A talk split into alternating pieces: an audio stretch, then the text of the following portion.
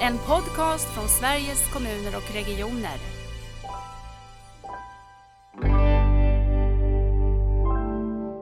Det där tycker jag är viktigt, att man kan inte bli en person om inte den andra är en person som ser en. Så att jag brukar också trycka på det att, att vården måste också vara personer. Med det menar jag inte privata. Jag vill inte veta läkarens eh, hälsostatus eller relation i sitt äktenskap.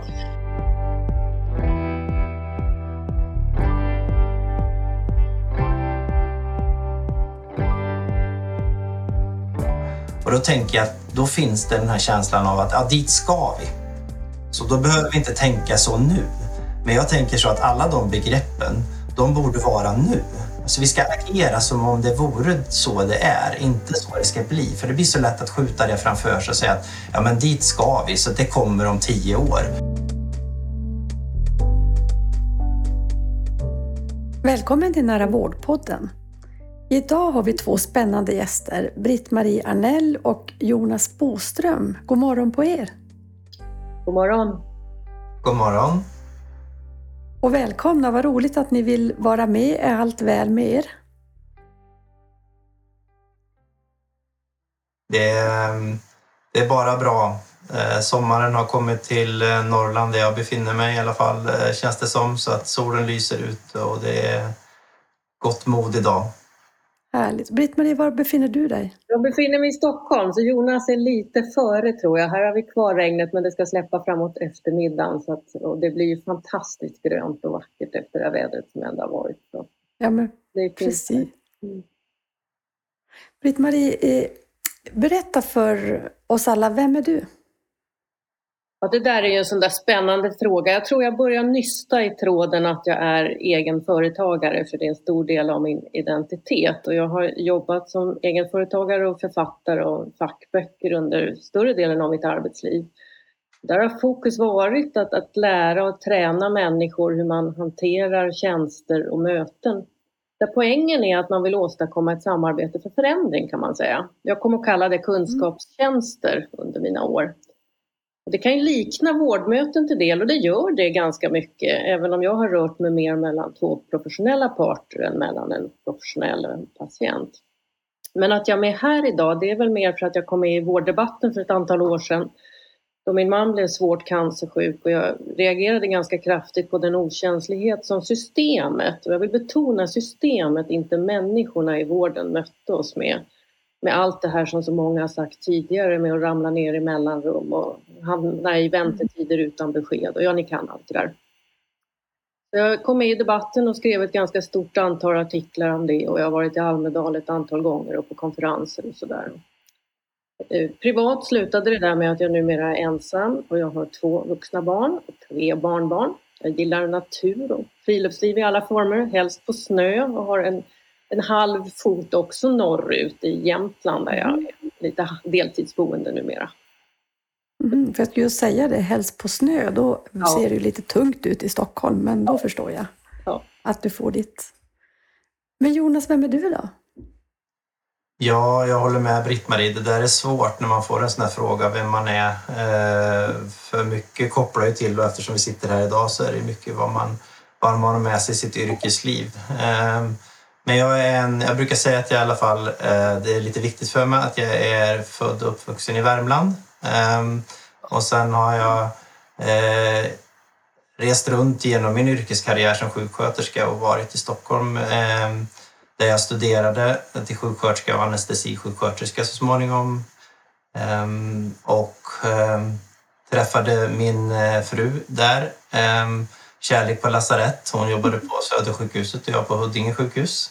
Så fick vi barn och till slut så hon kommer uppifrån eh, mellan Östersund och Sundsvall. Så vi hamnade i Sundsvall. Ehm, eh, och eh, jag gillar också det där med fjäll och snö och sånt som Britt-Marie talar om så att det kändes ganska naturligt att hamna här uppe. Eh, Bo på Alnö utanför Sundsvall idag med fru och två döttrar som snart har blivit väldigt stora helt plötsligt. Ehm, men jag har då jobbat ehm, som sjuksköterska i många år eh, i Stockholm och var en sväng i Nordnorge under några år också. Ehm, mycket akutsjukvård har jag jobbat inom. Akutmottagningar, ambulans, intensivvården och operation. Men också, och givetvis har jag ju liksom då präglats av Eh, intresset för att möta människor, hjälpa människor ehm, och, och även att då se att vi kan göra saker hela tiden på något sätt bättre. Så det gjorde att jag också då skiftade lite grann karriär och, och, tog på mig rollen som enhetschef under några år och byggde upp en akutvårdsavdelning. Och tyckte att det var intressant och då när man gör det så märker man ju också vad man inte kan så fort det är något man byter och ger sig in i ett fält. Så då eh, valde jag att studera vid kvalitetsteknik på Mittuniversitetet. Eh, kvalitetsteknik och ledarskap. Eh, och det där gav ju mer smak som det gör när man läser så märker man att man kan ännu mindre, upplever man i alla fall. Om man vill eh, lära mer så eh, då började jag jobba med sådana frågor sen eh, i en forskning och utvecklingsmiljö på, i Region Västernorrland, då landstinget. Och det ledde in till eh, eh, att jag också började en doktorandstudie 2016. Så där har väl varit min eh, resa eh, professionellt men sen också har jag haft eh, eh, varit anhörig och varit i vården en del genom det med, med ett av mina barn mycket under de sista tre åren och det har också påverkat. Så att eh, då ser jag att jag, man står på olika ben i det här. Eh, men man ser också, precis som Britt-Marie säger, så tänker jag mer, det är så otroligt mycket bra som fungerar så bra i svensk hälso och sjukvård. Mm. Men det är också så mycket som vi också kan jobba på, eh, som man ser som också handlar om det där systemet. Så då har jag ja, fastna för hur kan vi göra det där ännu bättre. Mm. Det är otroligt att höra era båda berättelser om hur, hur mycket gemensam kunskap ni har när man lyssnar på er. Och ni har ju varit parhästar i vårt projekt Närmare. Och då tänker jag om ni skulle få säga någonting om varann i det där projektet. Eller kände ni varann innan? Jonas, kände du Britt-Marie innan Närmare? Nej, jag gjorde ju inte det. Ehm, vi kom på varandra då när vi började genom en gemensam bekant i Thomas Edman som då var på Experio Lab. Så, så pratade vi om hur vi skulle kunna faktiskt börja eh, följa närmare vad som hände i det och också beskriva det på något sätt. Mm. Ehm, och då hade jag nog hört Britt-Marie vid något tillfälle eh, och när hon kopplades på det där så lärde vi känna varandra och jag jag är så väldigt ödmjuk inför Britt-Maries förmåga att liksom formulera sig och eh, hennes resa och upplevelser. Och liksom, så att jag, det har ju varit... Då kan man ju vara så här, jag tycker närmare som projekt var väldigt bra men ibland är det precis det där som händer när det, nya relationer uppstår och man mm. möter så, så det var ju kanske det bästa som kom ut ur det där projektet för min egen vinning att jag lärde känna Britt-Marie eh, som en otroligt klok och ödmjuk och eh, kunskap. Hon, hon bär på så mycket kunskap märker man, men är väldigt ödmjuk inför hur hon förmedlar det. Mm. Jag tänker Britt-Marie, vad tänker du? Hur passar din och Jonas pusselbit ihop? Jag fick ju förmånen när jag sprang på fler och fler människor från Experio Lab och vara med i det här, både som eh, skribent kan man ju säga, för det är Jonas och jag som har varit huvudförfattare mm. till rapporten, men också rent pedagogiskt har vi ju lett ett antal workshoppar och möten ihop. Eh, och väldigt tacksam och ödmjuk för att få vara med med det helt andra perspektiv som jag har som om man pratar språkligt sett är det liksom det berättande och dramaturgiska perspektivet snarare då än det vetenskapliga. Mm. Och det tyckte jag har kanske varit det roligaste Jonas med vårt möte, att vi har kunnat tillsammans du och jag spänna över hela den bredden och ha, ha en sån gemensam förståelse för varandra och hela tiden gjort varandras insatser bättre på något sätt. Så jag, jag delar din uppfattning Jonas, det har varit helt fantastiskt. Och jag tror att vi har skrivit en rapport som är rätt annorlunda i rätt många avseenden på det sättet. Verkligen, och vi ska ju prata i den här podden om det här projektet också, så att när ni blir nyfikna när ni lyssnar nu så kommer ni få veta mycket mer. Och jag ska också säga att själva rapporten hittar man också på SKRs eh, webbplats, för den är verkligen läsvärd. Och jag tänker när du säger Britt-Marie det här med kombinationen av det vetenskapliga och eh, kunskapen om hälso och sjukvården och det berättande. Jag tycker att det finns något spännande i det där och jag eh, grunnar mycket på om inte berättelsen har en större plats också i uppföljning och annat i, i vårt sätt att driva förändring än vad vi kanske har både använt och förstått innan. Vi får gärna reflektera på det. Vad, vad tänker du kring det, Britt-Marie, som, som har berättandet som en av dina stora förmågor? Ja, ibland får jag ju höra i vården att jag inte är vetenskaplig men då brukar jag säga lite skämtsamt att retorik är faktiskt en av världens äldsta vetenskaper ihop med mm. astronomi och matematik. Eh, och retoriken sa ju redan för 2000 år sedan att exemplet är ett av de bästa sätten vi har att förklara någonting. Det var så mm. här förstår du och då hände följande för henne eller för mig eller för min pappa och då får vi en det man då språkligt kallar gestaltning, det vill säga vi får en scen kring det hela, ett rum, en förståelse där vi med våra sinnen kan se och höra och känna vad som faktiskt händer. Eh, och det är ju baksidan när vi pratar det vetenskapliga språket, att vi tar bort allt som våra sinnen kan uppfatta och så ägnar vi oss åt abstrakta ord. Kan du se en organisation framför dig? Kan du se en planprocess framför dig? Nej, vi kan inte det. Det är abstrakta ord. Vi måste hitta tillbaka, tycker jag också, också till det exemplifierande metaforiska språket. Mm. Det har vi ju jobbat med ganska mycket i rapporten så att, eh, det var ju spännande så också. Verkligen. Men Jonas, som forskare, hur tänker du kring det där? Uh, oj, det är svårt. Uh, det som blir tydligt, uh, jag ju, känner mig ju inte som det. Jag har ju liksom varit nu eh, forskarstudent brukar jag säga. Man, man lär sig hela tiden och att resan att doktorera är ju på något vis, man säger mycket att man är forskare på olika saker men man, man lär sig att bli forskare tänker jag. Ehm, och med det innebär att man på något vis blir ännu bättre att kritiskt granska, att följa, liksom att eh, göra saker på rätt sätt, förhålla sig till etik och moral vad det gäller det. Och jag tycker att eh, för mig har det varit väldigt intressant det här med vetenskapliga artiklar till exempel. Vad svårt de kan vara att ta till sig märker man för andra människor som läser dem. De där får man ju läsa mängder av eh, och försöka dra ut. Och jag tycker det är spännande att även forskningen ändå börjar närma sig lite kanske lite ett annat språk, att det är tillåtet framförallt i den kvalitativa forskningen att lyfta fram berättelser och, och, skriva fram forskningsmaterialet på ett nytt sätt. Eh, jag tror att det finns mycket att göra där. Ehm, och jag tycker också det här med språket och metaforerna. Vi använder ju mycket metaforer. Vi gjorde det i rapporten också, valde det. Mm. Och det tycker jag har varit en grej som jag även i mina, under mina utvecklingsår jobbat mycket med att det blir enklare för de som är i rummet eller runt någonting om man får börja prata i, i ett annat bildspråk. Det är mycket lättare att öppna upp sina tankar och få ge exempel utifrån de bilderna. Och på det viset så får vi också fram, tycker jag, mycket mer eh, vad människor känner, eh, vad de vill uttrycka, eh, sånt som kan vara svårt att berätta om för att man gärna då ska hitta exempel i sin egen vardag. Men här kan man då få breda ut och då är det då är det väldigt användbart tycker jag för att komma lite mer på djupet. Mm. Så metaforerna eh, och det sättet eh, och det tycker jag då när vi har pratat om det och även kunnat beskriva det så så har också blivit mer läsvärt. Eh, det är det jag fått till mig när andra också har läst runt omkring med den här att det är mycket lättare att läsa texten och på det viset så tar man också till sig det. Mm. Eh, om man också samtidigt tycker att det är intressant och lätt att läsa.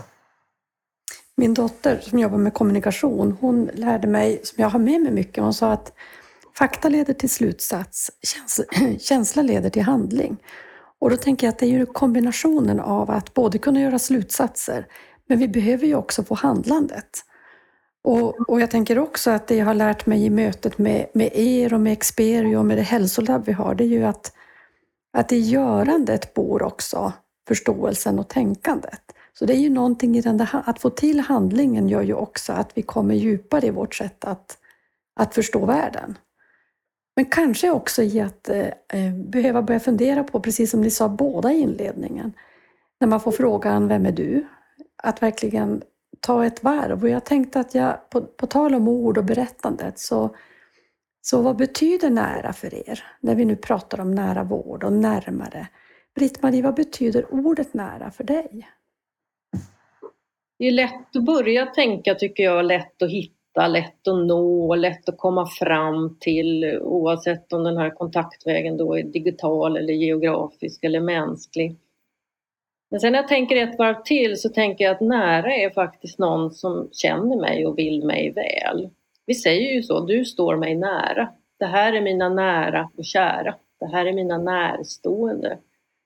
Och det säger vi inte om en chattrobot eller om biträdet i kassan på närbutiken, hur, hur trevliga och service-mind de än är och hur nära mm. de än befinner sig. Så det finns en, en mänsklig eh, känna varandra, kontinuitet, eh, relationell säger du ibland Jonas, eh, som ligger i det här begreppet som inte täcks tycker jag bara av att det är nära geografiskt eller nära på skärmen utan det är faktiskt någon som känner mig och vill mig väl. Och det kopplar till en fråga som jag drev de år jag var med i debatten, nämligen vikten av kontinuitet i vården. Mm. Inte för enstaka, enstaka svårigheter naturligtvis, men för alla oss då, de som har kontinu, kontinuerliga och långa kroniska sjukdomar. Mm. Vad betyder det nära för dig, Jonas? Jag tror det är väldigt likt det där. Jag har hört flera, jag har lyssnat på podden några gånger här också och hört Eh, den här frågan ställas. Så den blir lite olika med lite olika dimensioner hela tiden. Ehm, och det är ju både fina och svåra när vi pratar också om att ställa om till god och nära vård, tänker jag. Just vad nära betyder. Att vi, vi är så behov så många gånger av att det ska vara en definition. Okej, okay, vad är det här? Och sen så kan vi, så kan vi få det att hända. Men att det också det fina med det är att det betyder olika saker för oss och att vi måste förstå dem. Så nära för mig eh, är ju mer också det här att det är en känsla snarare än en plats. Det tycker jag är viktigt i det, att, att, eh, att i alla fall förstå vad känslan då innebär än att säga att ja, men då måste vi förflytta det här så att det kommer närmare på det sättet geografiskt. Sen tror jag det geografiska är viktigt för att kanske känna, få känslan av trygghet som för mig ligger väldigt mycket nära i det begreppet. Mm. Um, så att, eh, och, och i den här eh, rollen som då man säger som anhörig, som Britt-Marie också har varit mycket i, där man liksom är med i en sån här vårdprocess. Eh, då handlar det mycket om förtroende, för jag har tänkt otroligt mycket på det de senaste åren. Varenda gång jag har legat inne på sjukhus och legat i den där vårdsängen eh, med min dotter så tänker jag så här, vad är det som är viktigt? Man får ju chansen när man blir lite till exempel, att man ligger där och tänker okej, okay, vad handlar det här god och nära vård om när jag ligger här i sängen och, och väntar på att någon ska svara på den där ringningen? Och då till slut så tycker jag det har bottnat mycket i det så här att man ska känna det förtroendet. Att den där personen eller eh, avdelningen inger förtroende för mig så jag kan slappna av och vi kan känna oss trygga. Eh, och då skapar de en, en, tycker jag, en känsla av att vara nära. Eh, jag vet att de finns där, men de kanske inte är där fysiskt just nu, men jag vet att de finns där. Så förtroende och trygghet, de här känslorna är otroligt viktigt för begreppet nära eh, för mig. Då, då vill jag gärna hänga på att, att i mm. det förtroendet tycker jag också ligger att, att någon tar ett personligt ansvar och ett ansvar för att bollar följs upp och tas om hand. För det, det jag upplevde mycket som nära anhörig var ju att det alltid var bollen till någon annan. Det är inte mm. jag, det är nästa steg. Jag är bara här idag, det blir någon annan ikväll. Vad händer med det här nu? Det vet inte jag, det får nästa. Eh, patienten är alltid först till någon annan. Mm. Och det ligger också, tycker jag, i det här förtroendet och nära någon som står kvar. Just det. Och jag reflekterar både på det du säger Britt-Marie kring det relationella eller det kontinuerliga och, eller kontinuiteten och förtroendet så tänker jag ju subjektet på något sätt eller att vara en person verkligen för den andra. För är man en person då vill ju den andra ändå inte bara skicka vidare. Det är ju, ett objekt är ju inte så noga med, då kan man ju tänka att eh, men det får nästa ta hand om.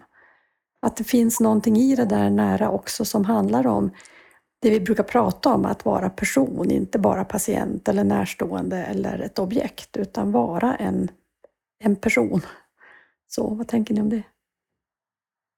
Ja, Jag tycker att det är, det är otroligt viktigt när vi pratar god och nära vård och förflyttning av det här systemet som, som, som vi vill göra. Eh, men som också ändå finns där, det här omvårdande, att det finns det där att det är så man också vill se på det tror jag om man jobbar i hälso och sjukvården och, och så man gärna ser till att förutsättningarna för att kunna göra det ska vara så för de flesta som är där. Att, att det inte är ett objekt, att det inte är en vara vi ska processa igenom det här sjukhuset nu utan att det där är. Men att det är så väldigt svårt eh, mm. när det väl kommer. Det är det som är liksom det här handlaget, det här eh, som man kan ha som man märker att vissa har mer av kanske. Att ha den förmågan att se mig som subjekt och inte objekt. Mm. Eh, men som i stressade situationer och en, en, en, tuff, en tuff vardag så är det så att säga eh, inte att försvara men det, det är någonting som att det är lättare då att få hantera det som det är för att de som också jobbar i hälso och sjukvården också är personer och människor som, som kliver upp på morgonen och har haft en tuff morgon och sen kommer till jobbet och sen ska ge av sig själv. Men det är där den här professionen kommer in, det professionella, att, att ha förmågan att ställa om för att du sen möter någon annan som också har det svårt. Så att, eh, det där är ju otroligt, otroligt viktigt. Det är, jag tycker grundbulten, Lisbeth, i, mm i hälso och sjukvårdens eh, förmåga eller det som är viktigt där, att, att ha det att kunna se subjektet och inte objekt. Mm. Så att eh, det, det, jag håller med dig. Då tänker jag Britt-Marie, din inledning här med berättelsen om din man och era upplevelser kring hans sjukdom. Att du sa att eh, det var inte människorna, det var systemet. Men vem är systemet och vad gör systemet med oss människor? Eftersom det ändå inte blev det som som ni hade behövt? Jag tror att vi har börjat förlita oss för mycket på dokumentation, processerna. Jag gör mitt jobb här och nu och så skriver jag ner det och så går det vidare och därmed var det bra. Eh, gärna kanske med ryggen mot den här patienten som ska vara en person. Knatte, knatte, knatte.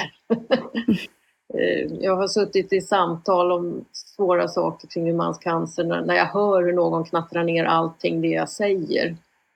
Och det blir ju väldigt långt ifrån ett personligt samtal. Eh, det här är, ja, förpappringen av verkligheten som Johanna Bornemark pratar om, den, den tror jag har ju haft mm. mycket gott med sig naturligtvis men har väl kanske gått för långt på något sätt. Mm. Och sen tror jag också att den här vi pratar metaforer igen, de här industrimetaforerna som vi har skrivit en del om i rapporten där vi ser just de här löpande bandet, hur allting löper smidigt från en station till nästa.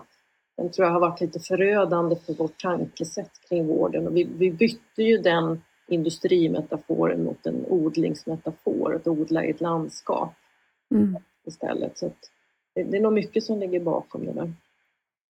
Jag skulle gärna vilja hänga på din fråga om, om person, att vara en person. Mm. Det finns ett afrikanskt mm. uttryck som går ut på att vi, vi uppstår inför varandra, vi blir människor inför varandra. Det där tycker jag är viktigt, att man kan inte bli en person om inte den andra är en person som ser en. Så att jag vill också trycka på det att, att vården måste också vara personer. Med det menar jag inte privata. Jag vill inte veta läkarens eh, hälsostatus eller relation i sitt äktenskap. Men, men också finnas där som en person, igen den här kontinuiteten. Vi känner igen varandra, vi vet vilka vi är.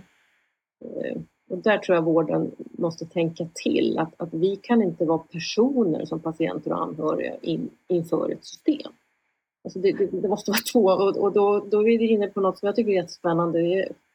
Hur kan ledarskapet då i vården vara så att medarbetare också känner sig som personer och inte utbytbara brickor ja, på, på ett schema? Så att allt det där hänger ihop, tänker jag. Verkligen. Jag tänker det du sa innan, just det här att mycket av det här paprifieringen och det kanske har lagt sig som någon typ av lager utanpå den här personen.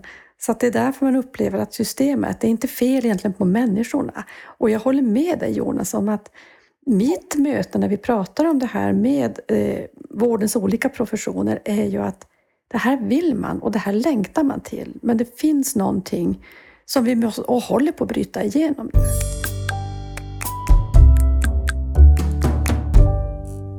Jag tänker att eh, allt det här vi har pratat om nu, det tycker jag är en så stark eh, fond för det projektet som ni var involverade i som heter Närmare just. Jonas, berätta kort om, om det här projektet. Vad är, var det för projekt? Um, utan att bli för detaljerad tänker jag vad de olika uh, uppdragen som vi, som vi utgick ifrån uh, handlade om så kan man väl säga att vi uh, under en tid såg att vi skulle vilja bidra in eh, om det gick. Vi hade ju olika regioner eh, eller landsting då hade ju börjat att anamma designkunskapen lite mer. I Värmland tog man ju ett steg, i stort steg 2013 när man startade sitt projekt Experiolab där eh, och började se hur man kunde jobba med design i hälso och sjukvården, där vård möter design. Ehm, som ett nytt kunskapsfält kan man säga för att också komma åt det här personcentrerade, patientens delaktighet, otroligt viktigt. Ehm, och då när vi hade ehm, fick chansen kan man säga att se, kan man göra det här på fler ställen eh, genom att knyta an designers in i hälso och sjukvården eh, för att ta den här i god och nära vård så pratar man ju mycket om det här eh, relationella, det geografiskt nära och man pratar ju om att kontinuitet är viktigt men att det också handlar om någonting annat. För att möta en Eh, det kan ju vara kontinuitet i att man har en och samma läkare eller sjuksköterska eller undersköterska man möter hela tiden, men det är ju inte så jättebra om den personen inte är den man förväntar sig med, där man kan klicka mm. eller där det blir dåligt. Då är kontinuitet kanske inte så viktigt, utan då handlar det om relation. Eh, och där finns det ju med som, en, som ett begrepp och då tyckte vi att det var intressant. Okej, okay, vad innebär det? Och så med den vetskapen och insikten om att design har en förmåga att synliggöra mycket av det här och skapa i och med att det har empati är ju en otroligt viktig hörnsten i designtänkandet eh, och samskapandet. Och då tänkte vi att kan vi, kan vi få in det på olika projekt och också börja närma oss det här som vi vet är viktigt för, för att ställa om ett system där huvudmännen behöver börja prata med varandra, alltså regioner och kommuner för att hälsa uppstår inte bara på sjukhuset utan hälsa uppstår ju så nära oss som möjligt i vår mm. vardag. Eh, och då är det väldigt många olika system som spelar roll. Och då ville vi börja testa det, så det blev ju en form av eh, olika projekt som interventioner nästan. Att okej, okay, om vi också skickar in Eh, designers där som är vana och kommer från olika håll, eh, kan de hjälpa till att starta den här mikroprocessen av delaktighet, förståelse ehm, eh, och verkligen få till det där ehm, som är så viktigt, det där samskapandet mellan inte bara ehm, medarbetare i vården mellan som jobbar hos de olika huvudmännen utan också mellan patienter, brukare, anhöriga. Så det var ett sätt att på något vis skapa en liten katalysator för ehm, Ordet komplexitet nämns ju också mycket. Det finns en fin handbok där också på SKR som Klara Backgren har skrivit om att leda i komplexitet och jobba i komplexitet. Ehm, och där är det ju verkligen att varje människas agerande eh, spelar roll för nästa skeende eh, och att påverka det. Och då var närmare lite grann att, att se till om man kunde få de här sakerna att hända så att man får den här ringarna på vattnet-effekten. Ehm, så för mig var det att, att faktiskt komma närmare den där faktiska punkten där värdet uppstår eh, mellan sjukvården, patient, brukare och anhöriga eh, genom att följa olika projekt. Britt-Marie, beskriv gärna du också dina bilder av det här projektet. För mig pågick det väldigt tydligt på två plan kan man säga. Vi hade ju sex piloter då som är ganska kortfattat beskrivna egentligen i rapporten men där det hände en väldig massa spännande saker. Men sen jobbade ju vi i projektledningen och inte minst du och jag Jonas med att se vad var liksom de gemensamma framgångsfaktorerna, vad var de gemensamma svårigheterna, vad var det någonting vi kunde få syn på som, som alla kan ha glädje av i ett sånt här förändringsprojekt. Och det, det, det rapporten till stor del handlar om, att vi faktiskt fick syn på det vi kommer att kalla paradoxen. Vad är det som gör att den här förändringen är så svår och som alla stöter på ungefär samma saker fast på olika sätt. Eh, och det mm. tycker jag var väldigt spännande att vi rörde oss mellan det här extremt jordnära. Hur ska vi ställa en fråga i patientmötet på Tensta vårdcentral så att den blir bra? till, till hur, hur kan liksom den här typen av projekt ledas så att de också kommer i mål eller rent av sprids till andra och inte bara stannar upp när eldsjälarna försvinner. vi rörde oss hela tiden mellan de här nivåerna. Kan du säga något om någon sån här paradox? Kommer du ihåg någon sån där utan att ha rapporten framför dig? Ja, om jag skulle sammanfatta den i, i, några få ord så kommer jag egentligen tillbaka till det du började med, med, med den här vetenskapliga kontraberättelsen. Att det som händer när vården ska gå till personcentrering eller nära är ju att gå från det vi kan kalla det objektivt mätbara, det som vetenskapen håller så högt, till det som vi kan kalla det subjektivt erfarna, det vill säga människans upplevelse. Och det är ju en förändring som är i princip 180 grader kan man säga, mm. på väldigt många sätt. Där man ska gå från hierarki till att jobba gemensamt på lika villkor på ett annat sätt. Där man ska jobba från tryggt och säkert och färdiga rutiner till osäkert och uppfinna lite i stunden. Eh, där man ska gå från vi vet hur det ska göras för jag har en standard för det till att, att jag får göra något ihop med den här patienten här på plats.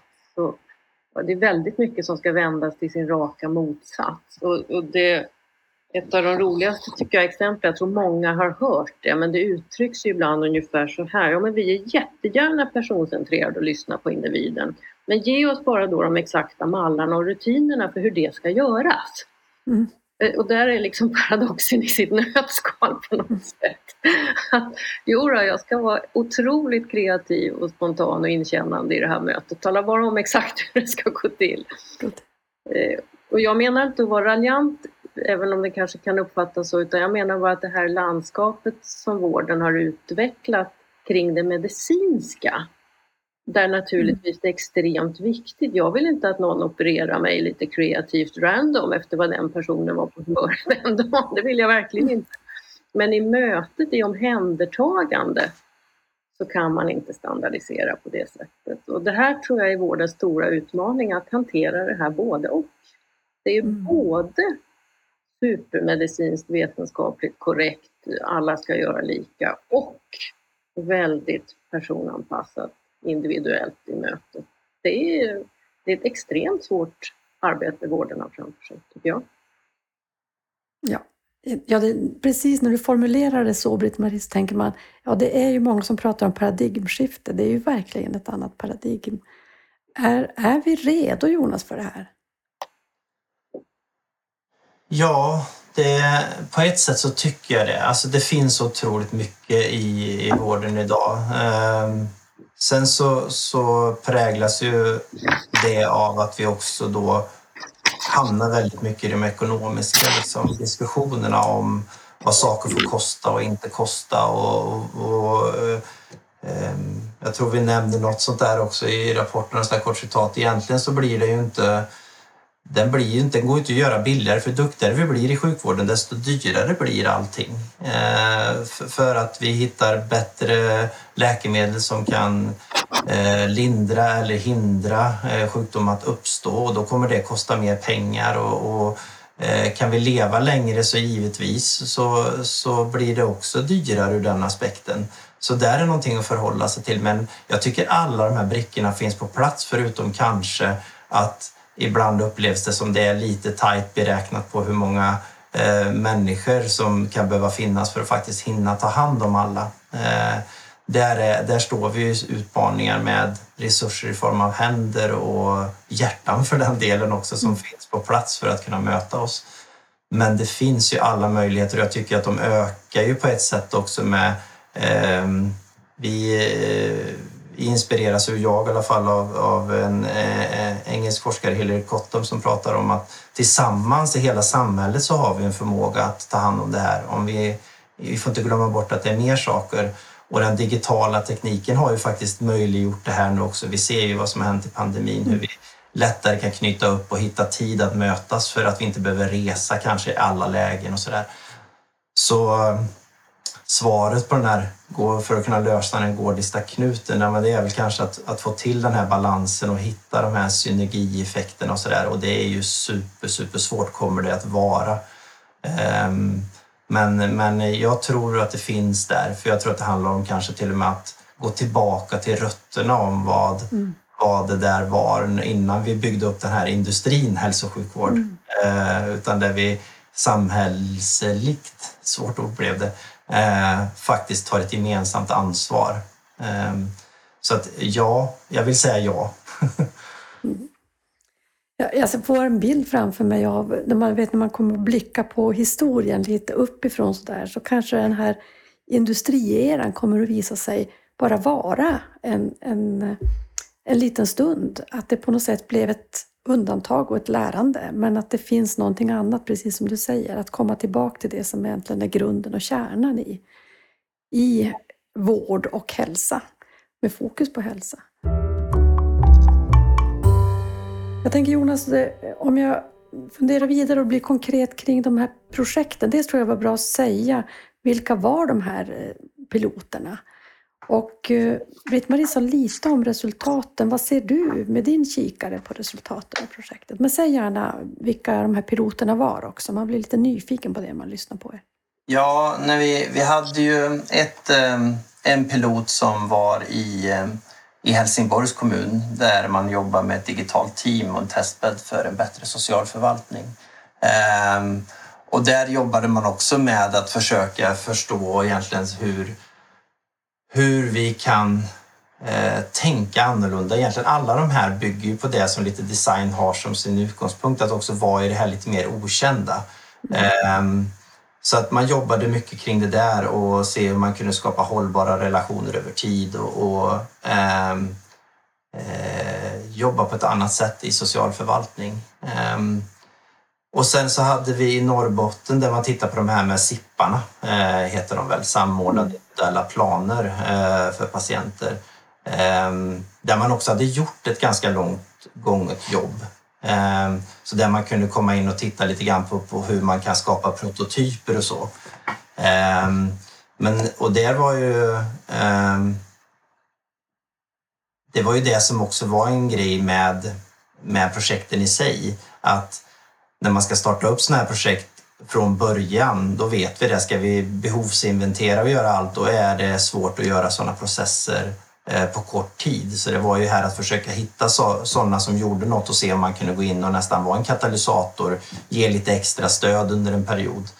Ehm, så nästan alla de här projekten, för att vad de har slutat i är ju att de har egentligen fortsatt ju efter att närmare på sitt sätt var slut. Mm.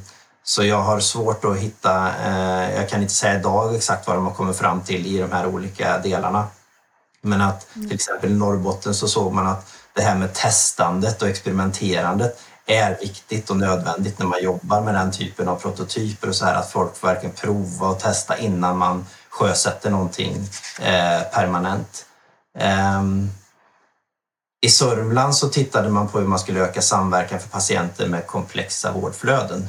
Ehm, så, och det visar ju också, tänker jag, på eh, vilka svåra, eh, på ett sätt inom parentes, ehm, projekt det egentligen är. Mm. Eh, och att det är sånt här som är otroligt ehm, omfattande. Och vi hade ju här egentligen ett designperspektiv så det man kunde se i det där projektet det var ju mycket om att det här med att jobba visuellt att faktiskt om man ska jobba eh, med komplexa vårdflöden så behöver man visualisera.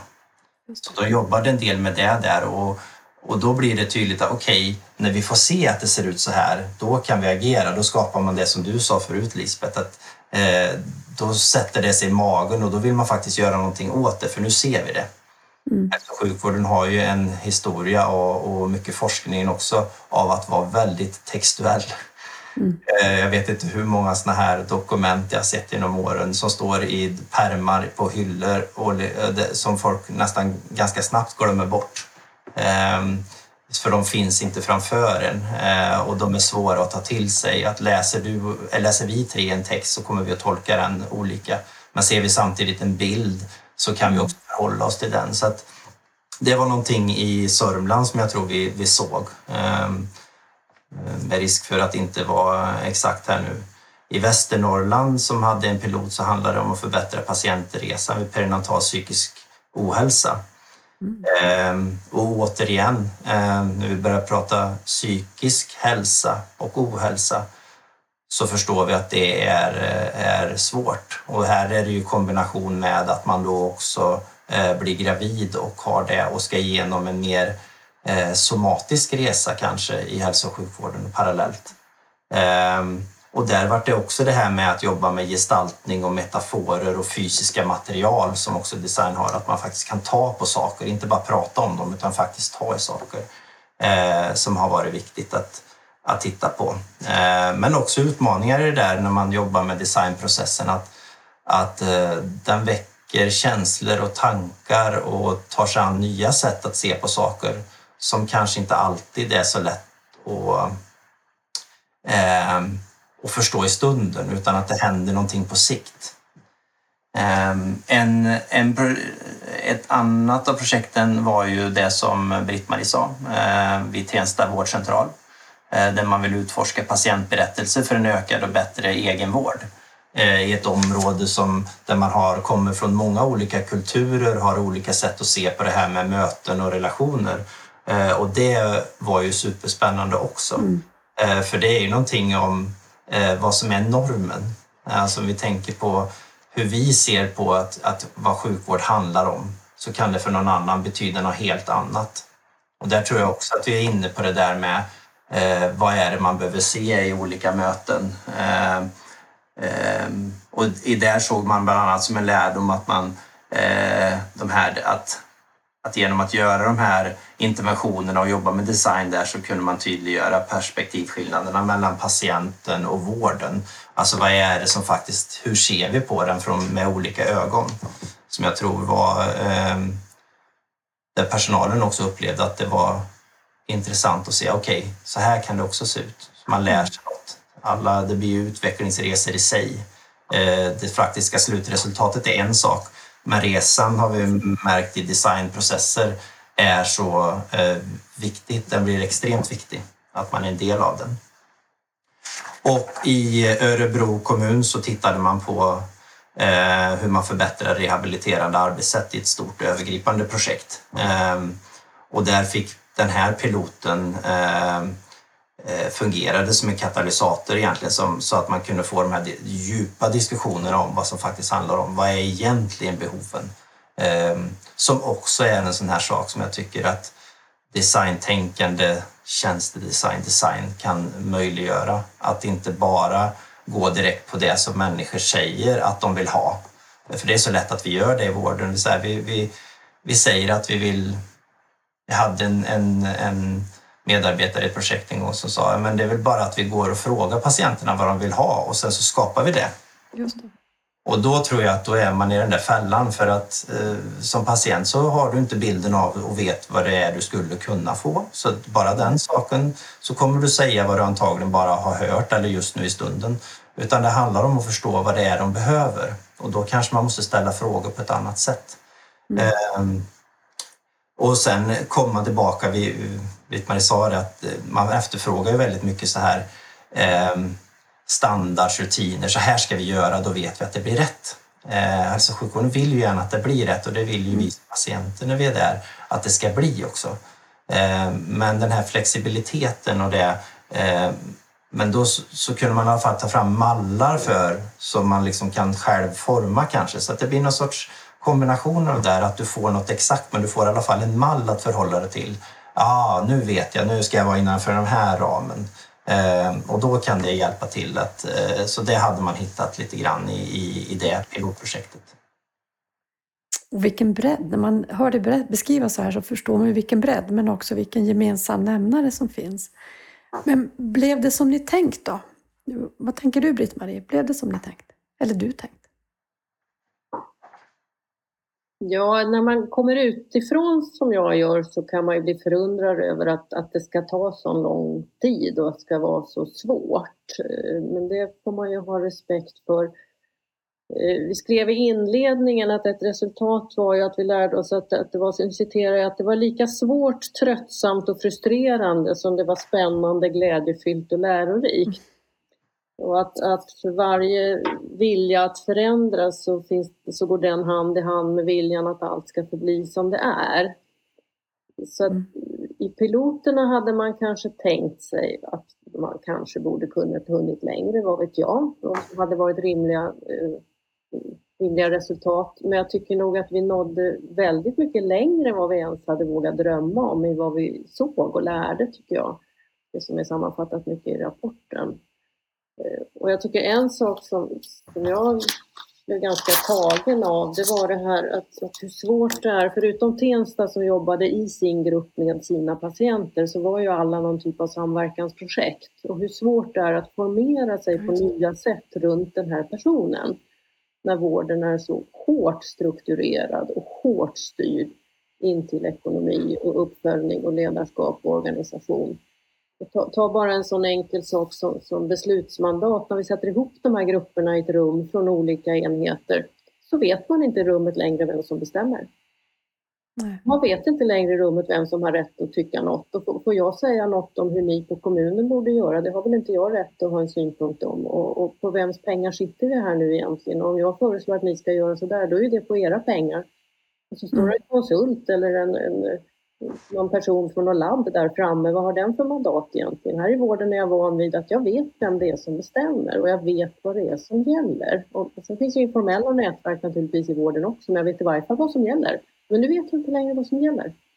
Och det här tror jag man ska ha en enormt stor respekt för, att man, man, man lossar på så mycket av det som är välkänt. Så säger man, ja, workshoppa nu lite här med gula lappar och kom på något jättebra. Alltså så, så lätt är det inte riktigt. Det, det är ett paradigmskifte, men eh, jag håller med Jonas, när ska det göras om inte nu? Och nu har vi ju dessutom mm. digitala möjligheter. Det gäller ju bara att vi använder dem i det här syftet så att det blir jag har sagt någon gång att det blir high tech med high touch. För annars går vi mot ett ännu mer omänskligt och opersonifierat system. Men vi ser ju nu, som du sa också Lisbeth, med, nu får jag mitt sms och min andra spruta. Det går ju. Det går ju när man mm tänker ända ut till individ. Så. Jag tänker ändå när du säger så, Britt-Marie, om, om mandaten och vem bestämmer och när man får ett större system än det man själv är van att verka i och ha tydligheten kring, så tänker jag att ja, men hur gör vi det här designdrivna också för de som finns i ledning? För det handlar ju om att ändra styrsystem då. Om systemet på något sätt ändå är väldigt mycket av styrsystemet, så hur får vi med dem? Britt-Marie, vad tänker du? Jag tror man måste tänka om kring den här gamla modellen där man liksom jobbar väldigt mycket top-down. Vi, vi i toppen tänker ut vad som ska åstadkommas och så skickar vi ner mm. eh, idéer och eh, visioner om det och så får de där nere tänka ut hur, hur vi har tänkt ut att och vad och de får tänka ut hur och jobba. Jag tror man måste göra upp med, jag tror alla måste sitta med från alla nivåer i, i samma, samma bord runt samma arbetsuppgift och, och närma sig varandra på någon mer typ av lika villkor. Jag tror inte att det går varken top-down eller nerifrån och upp heller. Därför det sa man ju våra piloter, Jonas, eller hur? Att, att vi har kommit långt, men hur ska vi få det här uppåt nu då? Hur ska vi få dem där uppe att förstå vad vi faktiskt har gjort? Det är någonting med det där att, att jobba på mm. tvärsen mm. eller i andra ledder. Utan att mm. den personen då tar med den högsta chefen i ett rum, utan att den personen beter sig som eller uppfattar sig eller börjar leda mötet. Alltså det här är ju inte enkla grejer, långt ifrån. Vad tänker du Jonas? Vad blev det som du tänkte och vad förvånade dig? Ja, eh, det blev något som jag tänkte och som jag ibland eh, märker att också är ett problem ibland när vi eh, på ett sätt internt försöker att förbättra hälso och sjukvården. Att vi är duktiga på att när vi väl gör det så kan vi gå in och hitta behoven om vi tar oss tid till det och lyssna och komma till insikter och vi kan idégenerera. Men det finns också en begränsning eh, om vi inte öppnar upp för ännu större samverkan kanske och sådär. Att det finns fler eh, parter som kan vara med i det här för att vi kommer lätt till vad ska man nu kalla det, konceptualiserande. Där vi egentligen har en idé om vad vi vill göra. Men sen så bromsas det. Eh, det ser vi att det har hänt många gånger eh, historiskt i min egen resa om att eh, om det landar i en ny IT-lösning, om tanke om att ett nytt system eller någonting, ja då har vi lite svårt där för vi har inte den egna förmågan att utveckla det alltid i regionerna och kanske inte ska ha det heller, jag vet inte det. Men jag tror att det där är lurigt och då kommer vi lätt till det här att vi har en superbra idé men sen vill vi få ut den och då bromsas det för att vi kanske inte riktigt har tagit tid och förberett ledning eller andra stödsystem runt om för att få det att hända. Så att på det viset så kan man ju tänka att ja, då hade man kanske hoppats att, att eh, projekten på något sätt eh, de hade kanske förväntat sig och vi också till viss del att ja, men det här kan vi ta vidare nu. Men det där är oftast någonting som man ser som om man kommer tillbaka om två år då var det där någon sorts Eh, ett litet frö man sådde som gjorde att man kom på en ny sak som gjorde att man då har faktiskt etablerat ett nytt arbetssätt om två år. Att det tar tid. Vi är så snabba, vi vill så gärna att allting ska hända nu för nu, nu är det jobbigt och nu vill vi ha ett svar. Eh, och då blir man ju väldigt lätt att man tar fram en lösning lite för snabbt kanske. Men jag tycker att det som var otroligt som, som jag reagerade på det här, det var ju att eh, vi sökte efter designer som kunde tänka sig att komma in och jobba det här och vi sa att vi skulle vilja ha från olika eh, byråer och så för att se. Och det gensvaret av människor som vill komma in och hjälpa till i hälso och sjukvården som drivs av att se till att vi får en bättre välfärd. Det var ju enormt. Alltså vi, vi trodde ju inte alls så många skulle söka och så sökte de och när de kom från olika håll så samarbetade ju de väldigt bra som, för att gå ut och hjälpa. Så att det finns en sån otrolig vilja som jag tycker jag ser i det här att, att vilja eh, göra saker bättre. Och det var, det var nog min... Eh,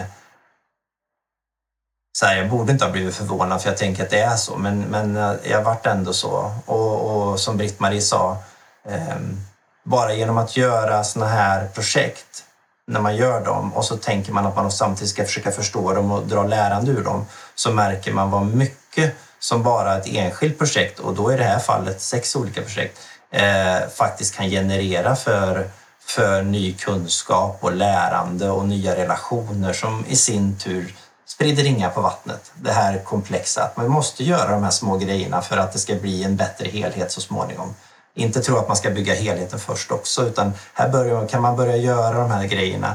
Så det tycker jag var mest intressant.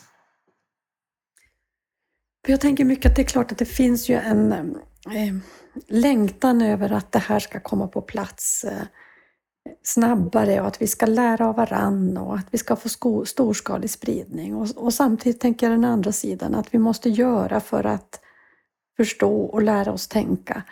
Eh, om man nu ska tänka tips och idéer både för eh, de som brinner för att nu ska vi verkligen göra det paradigmskiftet. Men också tankar kring uthålligheten och vad måste till?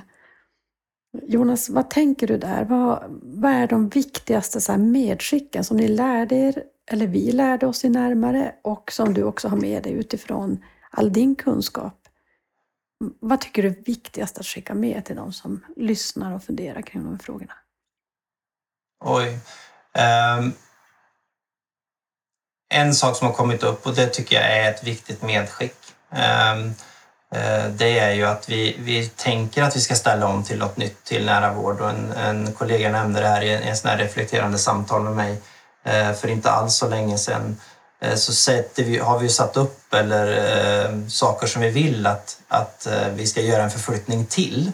Mm. Eh, och alla de begreppen känner man till och kan läsa mycket om på nära vård. Och, eh, nya vårdformer kanske, ett annat sätt att, att möta, att gå från eh, objekt till subjekt. Alltså det finns många av de sakerna. Och då tänker jag att då finns det den här känslan av att ja, dit ska vi. Så då mm. behöver vi inte tänka så nu. Men jag tänker så att alla de begreppen de borde vara nu. Alltså vi ska mm. agera som om det vore så det är, inte mm. så det ska bli. För det blir så lätt att skjuta det framför sig och säga att ja, men dit ska vi, så det kommer om tio år. Nej, förutsättningarna finns för att göra så nu. Så jag tänker att titta på de begreppen och de, och de tankarna som finns kring vad vi behöver göra för att ställa om systemet och så agerar vi så. eh, i stunden. I varje liten grej försöker vi agera så. Så jag tror att det för över mig på min nästa eh, tips, så ska jag inte bli för långrandig i det, men det är också att den här forskningen som vi bedriver inom hälso och sjukvården är ju väldigt mycket uppbyggd på den kliniska forskningen och, och en viss forskningsprocess.